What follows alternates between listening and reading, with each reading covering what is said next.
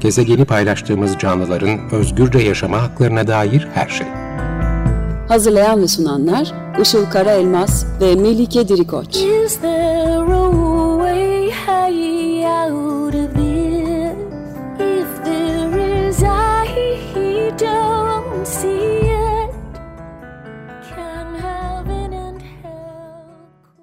Merhabalar, 95 Açık Radyo'da Türlerin Yaşam Hakkı programı başladı. Ben Işıl Karaelmaz. Merhabalar, ben de Melike Dirikoç. Teknik Masa'da Selahattin Çolak'la birlikte kayıt alıyoruz. Bugünkü destekçimiz Bayram Ali Karakan'a teşekkür ederek başlayalım ve diğer bütün destekçilerimize tabii. E, bugünkü programda agnotoloji yani cehalet bilimi konusunu konuştuğumuz 16 Aralık 2020 tarihli programın bir devamı olarak hayvanlar, hayvanları kullanmak, beslenme, sağlık gibi konularda toplumsal olarak üretilen cehaletten bahsedeceğiz. Dileyenler cehalet bilimine giriş niteliğinde olan bir önceki programın kaydını da podcast olarak müzik ve podcast platformlarından veya Açık Radyo program kayıt arşivinden dinleyebilirler. Ee, öncelikle cehaletin genel olarak bilinen tek türünün aksine birden fazla türü olduğundan ve bunların kısaca e, ne olduğundan bahsederek başlayalım. Agnotoloji yani cehalet bilimi kavramını literatüre kazandıran Stanford Üniversitesi bilim tarihi profesörü Robert Neil Proctor, cehaletin sanıldığının aksine yalnızca bilginin mevcut olmayışı anlamına gelmediğini söylüyor. Yani aslında cehalet konusunda da cehalet var diyebiliriz. Çünkü cehaletin genelde tek bir hali olduğunu sanıyoruz. E, Proctor neyi nasıl bildiğimiz kadar neyi neden ve nasıl bilmediğimizin de aslında çok çok büyük bir çalışma alanı olduğunu söylüyor. Genelde bir konudaki bilginin varlığından bahsediyoruz ama yokluğundan ya da neden yok olduğundan neredeyse çok az ya da hiç bahsedilmiyor diyebiliriz e, aslında insanlık olarak farklı konulardaki cehaletimizin boyutunun ve yapısının farkında değiliz diyebiliriz. Çünkü e, bu alana hiç bakmamışız. Belki de dediğim gibi hep bilmekle ilgilenmişiz. E, cehalet deyince aklımıza düzeltilmesi gereken, işte yerine konması, bilgi açısından telafi edilmesi gereken ve doğal yollarla genellikle oluşmuş bir şey geliyor genelde e, işte bu konuda ne kadar bir şey bilmiyorsun ve ne kadar cahilsin, hadi git bir şeyler öğren e, deniyor genellikle. Ancak cehalet bilimi, cehaletin çoğunlukla düşünüldüğü üzere birinin zihnindeki boş bir alan olmadığını söylüyor. E, aksine kuralları olan, bir işleyiş şekli olan e, ve bazı mekanizmalarla üretilebilen bir şey olduğundan bahsediyor. Yani bir kişinin bir konudaki cehaletinin salt sorumlusu çoğu zaman kendi olmayabilir. E, o halde cehaleti anlamak için cehalet hakkında bazı sorular sormalı ve bunların cevapları üzerine de düşünmemiz gerekiyor. Bu sorulardan bazıları örneğin hangi konuda ne kadar cahiliz? Yani sahip olunan ya da sözü edilen bilgiye oranla bilgisizliğimiz ne kadar derin? E, kaç tane cehalet çeşidi var? Buna birazdan geleceğim. Ve cehaletin hayatımızda ne gibi sonuçları var? Ve ayrıca e, cehalet bilimi biraz önce de bahsettiğim gibi e, birden fazla e, türü olan bir şey. E, Proctor daha fazlası olabileceğini de not düşerek üç temel cehalet biçiminden bahsediyor. İlki kendiliğinden ve doğal olarak oluşanı, hani bu çoğumuzun e, cehalet deyince aklımıza gelen biçimi. İki bilerek seçileni e, veya e, zaman içinde yok edilmiş olanı ve bize bir şekilde gelmeyeni. Ve üçüncüsü de kasten stratejik şekilde üretileni. Aslında bugün daha çok üçüncüden bahsediyor olacağız. Şimdi bu başlıkların altlarını hayvanlar, hayvan kullanımı, beslenme ve sağlık konuları açısından cevaplamaya başlayalım isterseniz. Hayvanlar konusunda e, toplumlarda gerçekten çok ciddi anlamda ve derin bir cehalet söz konusu. Aslında hayvanlar öyle bir derecede ötekileştirilmiş ve nesneleştirilmiş durumda ki e, onlar hakkında bazı amaçlar dışında bilgi üretmek e, ya da onları toplumsal tartışmanın bir parçası hale getirmenin adeta komik, saçma ya da gereksiz olduğu iddia edilebiliyor. Hayvanlardan faydalanmaya başladığımız andan itibaren onlar üzerinde üstünlük kurduğumuzu ilan ettiğimiz andan itibaren bu anlayışla beslenen devasa boyutlarda bir cehalet var.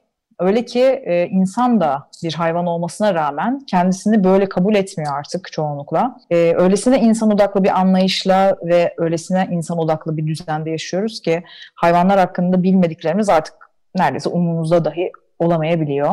Çünkü onlar kendi kurduğumuz düzenekle e, arasında duvarlar ördüğümüz yerlerde bir şekilde var olan ama nasıl var oldukları ya da kim olduklarıyla e, ilgilenmediğimiz gruplar genellikle. E, doğa ile aramıza duvarlar ördük.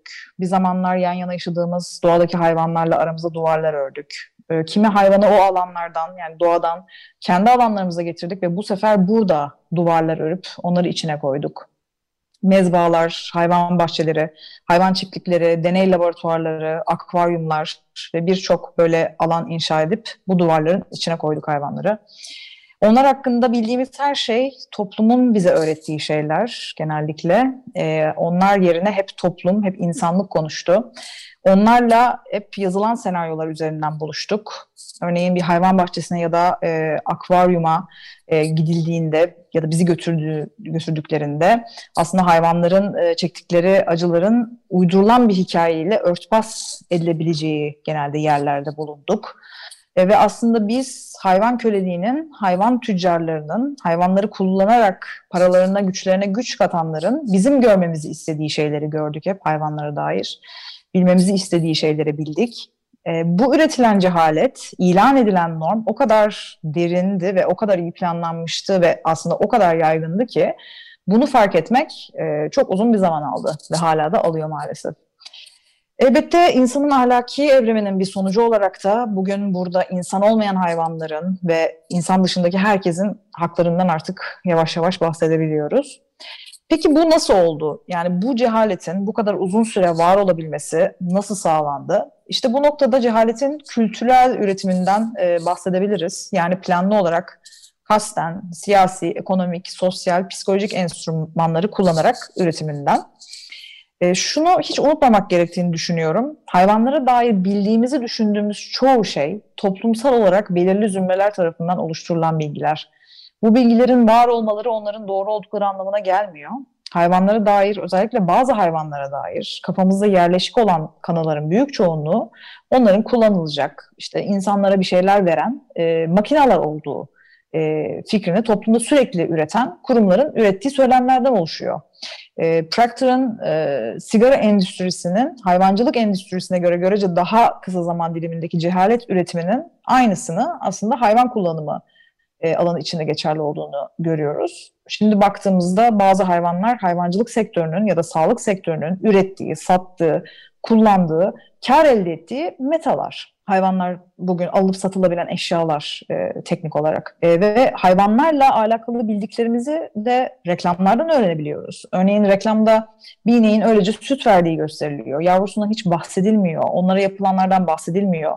Onların özlük haklarından bahsedilmiyor e, kendi bedenlerinin de onlara ait olduğundan değil tam tersine insanlara ait olduğundan bahsediliyor. Ya da bir tavuğu e, kendi olarak bile değil, karikatürü vasıtasıyla yumurtasını bize uzatırken görüyoruz. Tavuğun var olma amacının insanlara yumurta vermek olduğunu düşündürtüyor bu bize. Ya da işte hayvan bahçesine gidiyoruz ya da götürülüyoruz belki küçükken ailemiz tarafından ya da okullarla ve o hayvanların orada mutlu olduğu, olduğu bize düşündürtülüyor. Böyle bir senaryo yazılmış oluyor ve e, ya da bilimin ilerlemesi için hayvan deneylerinin mutlaka gerekli olduğunu ve e, çok iyi sonuçlar verdiği bize söyleniyor. Çünkü atıyorum fen dersinde öyle görmüşüz, kitapta e, öyle yazıyor, okullarda böyle öğrenmişiz. E, ya da hayvanları yemeden sağlıklı olamayacağımızı düşünüyoruz. Çünkü süt içmeden kalsiyum alamayacağımızı başka hiçbir yerden düşündürtüyor bu sistem bize. Ya da et yemeden protein alamayacağımızı düşünüyoruz. E, aynı zamanda bu hayvanların hissetmediğini, onlara yapılanların farkına varmadıklarını, canlarının yanmadığını e, düşündürtüyorlar bize. Çünkü böyle düşünmemiz isteniyor. Çünkü eğer böyle düşünmezsek e, hayvan tüccarlığı ya da işte hayvancılık, hayvanların sömürülmesi üzerinden kurgulanan tüm bu yapı nasıl var olabilir ki? E, tüm bu algı insanlara bir şeyler satmak için aslında. E, çünkü dediğim gibi bu bahsettiğim hayvanlar bir ürün ve ürünü satmak için aslında işte bütün sektörlerin kullandığı metotları ve bir önceki programda Cehalet Bilim programında konuştuğumuz sigara sektörünü nasıl sigaraya satmak için e, aslında bilgileri manipüle ettiği ya da e, bir takım verileri e, insanlardan sakladığı gibi aynı şekilde bu hayvancılık endüstrisi için de geçerli. Hayvanları yemek, giymek, üzerlerine deneyler yapmak, e, onlara kendinizi taşıtmak, onları genel olarak kullanmak için e, sizin bu eylemleri yapmanıza geçit veren bir fikirler dizisine sahip olmanız gerekiyor. Bunu biliyorlar. Çünkü bu fikirler dizisi olma, olmazsa eğer siz başka türlü düşünürseniz bu ürünleri almazsınız. Ee, ve bu fikirler dizisi de doğduğumuz andan itibaren bize altın bir tabakta sunuluyor. İlk öğrendiğimiz davranışlardan biri yani e, hayvanları yemek, giymek ya da kullanmak. e, güçlü bir şekilde büyümek için örneğin hayvanları yememiz gerektiği işte sofrada, okulda, evde, her yerde belki de en fazla duyduğumuz cümlelerden biri. E, bu cehalet üretiminde Proctor'ın bahsettiği bazı taktik ve kavramlardan e, bahsetmek istiyorum. E, bunlardan bazılarını şu şekilde sıralıyor. Kasıtlı görmezden gelme, gizlilik ve sindirme, kanıt yok etme, sorgulanmayan gelenekler, doğuştan ya da sonradan yani önlenebilir kültürel politik seçicilik, reklam, aldatıcı basın içerikleri, hileli araştırmalar için fon sağlamak, yasaları manipüle etmek, bilimsel gözüken kurumlar oluşturmak ve kendi çıkarlarına olacak araştırmalar yaptırmak. Buna e, Işıl senin bahsedeceğin e, şeyde geleceğiz, bölümde geleceğiz özellikle son e, bu araştırma kısmına. Ee, ve tahmin edebileceği üzere zaten yerleşik olan işte hayvanlar acı çekmezler, onların hayatı önemli değildir, insan çıkarları doğrultusunda hayvanları kullanabiliriz gibi insan merkezci, insan üstünlükçü ve türücü bir toplum yapısının üzerine bir de hayvanları kullanmamız lazım. Çünkü aa hep böyle yaptık. Sorgulanmayan gelenekler yani bu. Hep böyle yaptığımız için yapıyoruz. Ya da bilim bunu söylüyor. Yani manipüle edilmiş bir bilgi e, de olsa bu bilim kurumu adı, kurumu adı altında e, bu ikisini söylediğimiz zaman aslında bütün bu türcü düzeneğin üstüne e, aslında şu anda hayvanların başına gelen şey kaçınılmaz oluyor. Ve bu önermeler eklenince elimizde olan e, tüm gücü ve olanakları bunları yaymak için de kullanınca e, hayvancılık endüstrisi açısından bahsediyorum. Aslında e, bu sonuç, içinde bulunduğumuz bu sonuç e, şaşırtıcı değil. Ve beslenme konusunda da cahiliz, sağlık, sağlıklı olma konularında da cahiliz. Hayvanlar kimdir, e, hayvanlar e, nasıl davranırlar bu konuda cahiliz. İklim krizi konusunda çok derin bir cahil, e, cahillik var maalesef. Yemekler konusunda cahillik var. Yani aslında birçok e, konuda maalesef cehalet var ve e, bu üretiliyor ve yayılıyor. İşte o yüzden de bu cehaleti görmek, tanımak, arkasında yatan sebepleri öğrenmek çok ama çok önemli. Çünkü bu cehaletin bir sonucu var. Hayvanlar açısından bu hayat boyu kölelik ve ölüm demek. Gezegen açısından müthiş bir tahribat demek. Hatta bizi yok oluşa götüren e, bir tahribat demek. İnsan sağlığı açısından da e, belki de neden yaşadığımızı e, anlayamadığımız, bunun üzerine çok konuşulmayan hem kronik hem de viral pandemiler demek. Melike senin de anlattığın gibi hayvanlar konusunda üretilen cehalet insan kullanımına girmiş olan hayvansallarla ilgili de devam ediyor tabii. İnsan sağlığı tarafında genelde iki türlü inanışa sebep oluyor bu. Birincisi hayvansalların insan sağlığına yararlı olduğu yönünde bir yaygın ve yanlış inanış. İkincisi de hayvansalları bırakıp sadece bitkisel kaynaklı beslenmenin yetersiz olacağı yönünde iddialarla karşılaşabiliyoruz. Bunlardan ikincisini yani bitkisel beslenmenin yetersizliği iddiasını daha ziyade medyada görüyoruz. Bilimde görmüyoruz pek bunun. Bebeğini vegan besleyen anneye yönelik suçlamalar örneğin ya da vegan anne babadan çocuğun velayetini aldılar diye manşetler veya vegan beslenen çocukta beslenme yetersizliği görüldüğünü söyleyen haberlerle karşılaşmış olabilirsiniz. Ama mantıklı düşününce bir anne babanın çocuğunu yetersiz besliyor olmasıyla vegan olup olmaması arasında anlamlı bir bağlantı olamayacağını görürüz. Çünkü vegan olmayan birçok aile çocuklarını yetersiz besliyor, ihmal ediyor ama hiçbir zaman na vegan aile çocuklarını yetersiz besledi diye haber olmuyorlar. Aynı şekilde çocuklarını çok iyi besleyen, özenle bakan vegan aileler de vegan çift çocuğuna ihtiyacı olan tüm besini sağladı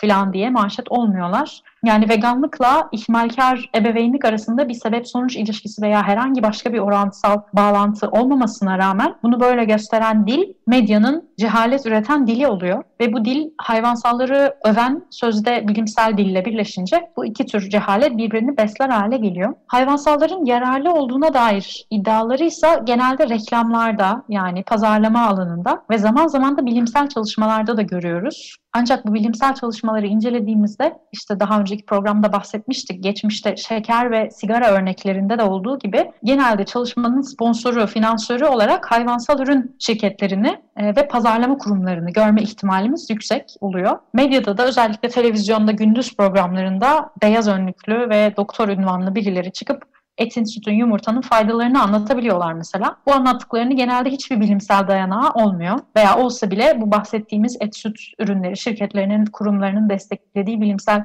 çalışmalara dayandırabiliyorlar. Şimdi tabii biz doktor değiliz. Uzmanlık alanımızda olmayan bir konuda kapsamlı bir e, analiz yapamayız burada. Ama bu programa önceden konuk olmuş doktorların söylediklerine ve alanında uzman vegan doktorların ürettikleri içeriklere dayanarak birkaç örnek verebiliriz burada. Türkiye'de bu konuyu yani hayvansal kaynaklı gıdaların insan sağlığına ne kadar zararlı olduğu konusunu detaylıca araştırmak isteyenler için e, bu kaynakları yeniden söyleyelim. Birincisi Doktor Murat Kınıkoğlu'nun YouTube kanalı ve Instagram'da e, videoları ayrıca vegan sağlık ve vegan beslenme adında iki kitabı var. E, ve daha önceden birden fazla defa yine türlerini yaşam hakkında konuk olmuş olan e, ve Vegan Patates kanalının kurucularından Doktor Oğuzcan Kınıkoğlu'nun sosyal medyasında bu tür içerikler var. Ve de yine burada birkaç defa konuk ettiğimiz Vegan Sağlık Pro adındaki YouTube kanalının sahibi ve Instagram hesabının sahibi e, hayvansalların tüm zararlarını bıkmadan anlatan Doktor Suat Erus'u da takip etmenizi önerelim buradan bir kez daha. E, bir de tabii bizim kaynak olarak kullandığımız bir site var. nutritionfacts.org. E, kurucusu Doktor Michael Greger ve gıda alanında bu bilimsel çalışmaların nasıl taraflı bir şekilde yayınlandığını anlatıyor. E, hayvansalları öven bu makalelerin destekçileri olan kurumları ve e, bu makalelerdeki yöntem hatalarını tek tek ifşa ediyor bu sitede. E, bir nevi bilimde cehalet üretimini açığa çıkarıyor diyebiliriz. Her hayvansalla ilgili makaleleri incelediği birçok 3-5 dakikalık videosu var. Mutlaka nutritionfacts.org sitesini e, incelemenizi öneririz. Ben şimdi cehalet üretiminde iyi, iyi bir örnek olduğunu düşündüğüm için yumurta hakkındaki içeriklerinden bahsedeceğim biraz. E, Dr. Greg'in çok videosu var yumurta ile ilgili ama ilk bahsedeceğim videosunun adı Eggs Who Says They Aren't Healthy or Safe yani kim demiş yumurta sağlıklı veya güvenli değil diye şeklinde çevirebiliriz. Tabii alaycı bir başlık olduğunu söyleyelim. Kendisi de zaten alaycı bir e, karakter. Burada öncelikle American Egg Board adında bir kurumu tanıtıyor. E, Amerikan devleti çatısı altında Tarım Bakanlığı içinde oluşturulmuş bir yumurta pazarlama kurulu diyebiliriz kurum için. Bunların tek bir misyonu var. Amerikan yumurta üreticileri adına toplumda yumurtaya olan talebi arttırmak ve bu kurulun bütçesinin %46'lık olan en büyük dilimi reklama ayrılmış durumda. Bu da tam 10 milyon dolar demek oluyor. Yumurta üreticileri şirketleri bu parayı reklamları için kullanabiliyorlar. Fakat bu reklamlarda kullanılan ifadelerin denetlenmesi gerekiyor. Çünkü yumurta ile ilgili kullanılması yasal olmayan bazı kelimeler var. Amerikan hukukunda tüketiciye yanıltıcı reklam yapmak veya yanlış bilgi vermek cezaya tabi. Yumurtanın da içerdiği yüksek miktarda yağ ve kolesterolden ötürü kalp hastalıklarıyla olan yakın ilişkisi artık ortaya konduğu için reklam yaparken dikkatli olmaları gerekiyor. Örneğin kullanılması yasak olan kelimelerden iki tanesi sağlıklı ve besleyici kelimeleri. Yani reklamlarda Amerika'da yumurtanın sağlıklı veya besleyici olduğunu söyleyemiyorsunuz. Çünkü yumurta sağlıklı da değil, besleyici de değil. Ama bu denetimi yapan kurulun esas amacı tabii talebi arttırmak olduğu için şirketlere yardım ediyor ve diyor ki besleyici yani nutritious diyemezsiniz bu kelimeyi kullanamazsınız ama onun yerine mesela şöyle bir kelime söyleyebilirsiniz. Nutrient dense yani besin açısından yoğun, yoğun, zengin de diyemiyorlar. E, çünkü bu kelimenin hukukta bir karşılığı yok nutrient dense. O yüzden e, kullanabiliyorlar. Aslında uydurma bir kelime e, ve örneğin meşrubat veya çikolata barları için filan da kullanılabilecek bir kelime. Başka bir örnekte de yumurta şirketleri yumurtanın kilo vermek isteyenlerin tüketebileceği bir besin olduğuna dair bir reklam yapmak istiyorlar. Fakat yine hukuka takılıyorlar. Çünkü yumurtanın içerdiği kaloriden dolayı diyet yapanlara uygun bir besin şeklinde lanse edilmesi yasal değil. Bunun yerine bu sefer de bu diyete uygun ifadesini çıkarıyorlar ve e, tok tutuyor ifadesini kullanmaya başlıyorlar yasal olabilmesi için. Sanırım bu iki örneğe dayanarak şunu söyleyebiliriz. İnsan sağlığına açıkça zararı olan ve belki insanlar için gıda bile olmaması gereken bir şeyin yani yumurtanın sırf ticari amaçlar uğruna yani çok satması için etrafında bir cehalet örüldüğünü görüyoruz ve bu e, konuda şirketler ve devlet kurumları birlikte çalışıyorlar. Yine yumurta konusunda Dr. Greger'in e, bir videosu daha var ondan da kısaca bahsedeyim. Debunking Egg Industry Myths adında yani yumurta endüstrisinin ürettiği mitleri çürütmek olarak çevirebiliriz. Mit kelimesini de burada cehaletle de değiştirebiliriz aslında. Bu videoda öncelikle 2012 yılında yayınlanan ve yumurtanın zararını sigaranın zararıyla benzeştirerek kanıtlayan önemli bir makaleye atıfta bulunuyor. Bu makaleye göre yumurta yemenin damarlarda plak oluşturucu etkisi 10 yıl boyunca günde bir paket sigara içmenin yarattığı etkinin üçte ikisi kadar. Yani hem sigara hem de yumurta damarlarda yoğun miktarda plak oluşturuyor ve ikisi birlikte kullanıldığında bu etkinin daha da arttığı da gösterilmiş. Tabii bu bilgi ortaya çıkınca yumurta şirketlerinin pek hoşuna gitmemiş olsa gerek. Bu makaleye eleştiri olarak e, editöre yazılan mektuplardan birinde hayvansal kaynaklı kolesterolün kandaki kolesterol seviyesini o kadar da etkilemeyeceğini iddia edebilmek için 71 yılına geri dönmeleri gerekmiş. E, Greger 71 yılında onların referans verdiği bu çalışmaya bakınca araştırmanın sadece 8 kişi üstünde yapıldığını görüyor. Bunu da videoda gösteriyor. E, sonrasında da buradaki cehaletin yerine tabii doğru bilgiyi koyabilmek için 2013 tarihli bir meta analizden bahsediyor. Yumurta tüketimiyle kalp hastalıkları ve diyabet ilişkisine dair 1930'dan itibaren yayınlanmış en iyi araştırmaları toparlayan bir meta analiz bu. Bu meta analiz sonucunda çok net bir şekilde şunları söyleyebiliyoruz diyor. En fazla yumurta tüketen insanlar %19 daha fazla kalp hastalığına yakalanma riski taşıyor. %68 daha fazla diyabet riski taşıyorlar ve diyabet olduktan sonra da kalp hastalığı yaşama olasılıkları %85 daha fazla oluyor. Ve bu riski taşıyanlar aşırı miktarda yumurta tüketenler de değil. Günde bir yumurtadan az tüketiyor bile olsanız bu rakamlar geçerli oluyor. E, Doktor Greger'in sitesinde diğer hayvansallarla yani inek sütü, et, peynir gibi e, hayvansallarla ilgili yayınlanmış yanıltıcı ve hatalı bilimsel çalışmalara da birçok örnek var. Burada anlatmaya vaktimiz yok ne yazık ki. İlgilenenler nutritionfacts.org sitesine bakabilirler. Evet senin de dediğin gibi bu araştırmalar, araştırma çıktıları, e, akademik çalışma dediğimiz şeylerde de aslında e, her zaman tarafsız e, araştırmalar yapılmıyor. Her zaman her araştırmanın sonucu e, mutlak gerçekliği yansıtmıyor. Bununla alakalı da aslında çok fazla bu şekilde yapılan araştırma var. Yani hayvancılık endüstrisinin fonladığı Hatta en son yine böyle medya tarafından çok sevilip e, defalarca e, retweetlenen hatta ve böyle gazetelerde de boy boy spekülatif bir şekilde karşımıza çıkan işte veganların kemikleri daha çok kırılıyor başlıklı araştırma. E, bu LEAP denilen L-E-A-P diye yazılıyor.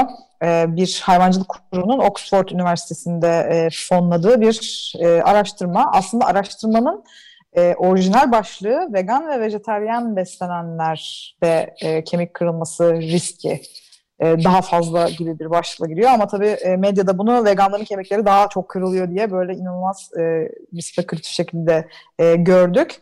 Ve bu yüzden e, araştırmaları da incelemek, kimin sponsorluk yaptığını bu araştırmalara, e, nasıl bir araştırma olduğunu incelemek çok önemli. Bunun e, bizim yerimize e, sağ olsun e, Suat e, Türkiye'de çok e, iyi bir şekilde yapıyor. Vegan Sağlık Pro e, hesabında, YouTube kanalında e, makale analizleri diye bir seri yapıyor. E, bu bahsettiğim işte e, kemik kırılması ile ilgili makalenin yanı sıra başka makaleler de var analiz ettiği. E, lütfen girin bakın gerçekten e, yani araştırmanın e, baştan aşağı e, yani nasıl bir şekilde e, yapıldığını çok iyi gözler önüne seriyor. Şimdi bu tarz aslında bilimsel alanda e, göreceğimiz yönlendirme ya da manipülasyonlarda e, authority bias dediğimiz yani otorite taraflılığı ya da ön yargısı gibi çevirebileceğimiz durumun da çok fazla etkisi oluyor bence e, otorite figürü olarak görülen ya da gösterilen e, senin de bahsettiğin gibi e, bir kişilerin ya da kurumların yanlış bir şey söylemeyeceğine dair bir ön yargı e, var toplumda. E, bu da manipüle edilebilmeyi kolaylaştırıyor aslında. Yani örneğin sadece doktor kimliğinden dolayı işte bir televizyona çıkıp e, günde 20 yumurta yiyin diyen birisinin doğruyu söylüyor olduğunu düşünülmesi gibi ya da e, zamanında 50'lerde 60'larda sigara içmeyi tavsiye eden bir doktor figürüne koşulsuz güvenilmesinin altında da bu eğilim e, yatıyor. E, şimdi bu konu hakkında yani işte hayvanları kullanmak, yemek özellikle e, hakkında üretilen cehalet fanusunun e, içinde ön yargılar da var. E, bu ön yargıları da getiriyor. İşte medyanın ya da hayvancılık sektörünün bunları kara propaganda aracı olarak da kullandığını görüyoruz. İşte nasıl söylemler var, nasıl ön yargılar var. İşte veganlık pahalı, veganlık sağlıksız, işte vegan olursan hasta olursun, ölürsün e, vesaire vesaire gibi aslında spekülatif birbirinden e, kopyalanan e, ön yargılı söylemlerin hızlı yayıldığını görüyoruz. Ee, aslında e, bahsetmek istediğimiz bizim başka bir cehalet alanında bitkisel beslenme, gastronomi alanında da e, çok büyük yenilikler var gerçi son yıllarda özellikle. Bitkilerle artık her türlü yemek çeşidi, tat, doku oluşturulabiliyor. Ancak Türkiye'de daha yeni yeni bu konuda e, bilgi sahibi oluyoruz. Bitkilerin nelere dönüşebileceği, neler içerdiği, besin değerleri, bitkisel mutfak alanında hala maalesef yaygın bir e, cehalet söz konusu e, ve bu da e, beraberinde aslında bir ön yargı getiriyor. İşte vegan olursam aç kalırım, veganlar sadece salata yer gibi söylemleri belki duymuşsunuzdur. Bu konuya dair de yani bitkisel mutfağa dair de aslında e, detaylı bilgiler paylaştığımız bir programı da önümüzdeki haftalar için hazırladığımızı e, şimdiden e, duyurmuş olalım. Ve programın yavaş yavaş sonuna geliyoruz. 95.0 Açık Radyo'da Türlerin Yaşam Hakkını dinlediniz. Bu hafta agnotoloji yani cehalet bilim e, konusuna devam ederek hayvanlar ve hayvan kullanımını e, konusunda üretilen cehaleti ele aldık. Program duyuruları için bizi Instagram'dan ve Twitter'dan Türlerin Yaşam Hakkı hesabından takip edebilirsiniz. Aynı zamanda programla ilgili e, öneri ve yorumlarınız için e-mailimiz turlerinyasamakki.gmail.com Dinlediğiniz için teşekkür ederiz. Haftaya görüşmek üzere. Görüşmek üzere. Türlerin Yaşam Hakkı Gezegeni paylaştığımız canlıların özgürce yaşama haklarına dair her şey. Hazırlayan ve sunanlar Işıl Karaelmaz ve Melike Dirikoç. Is there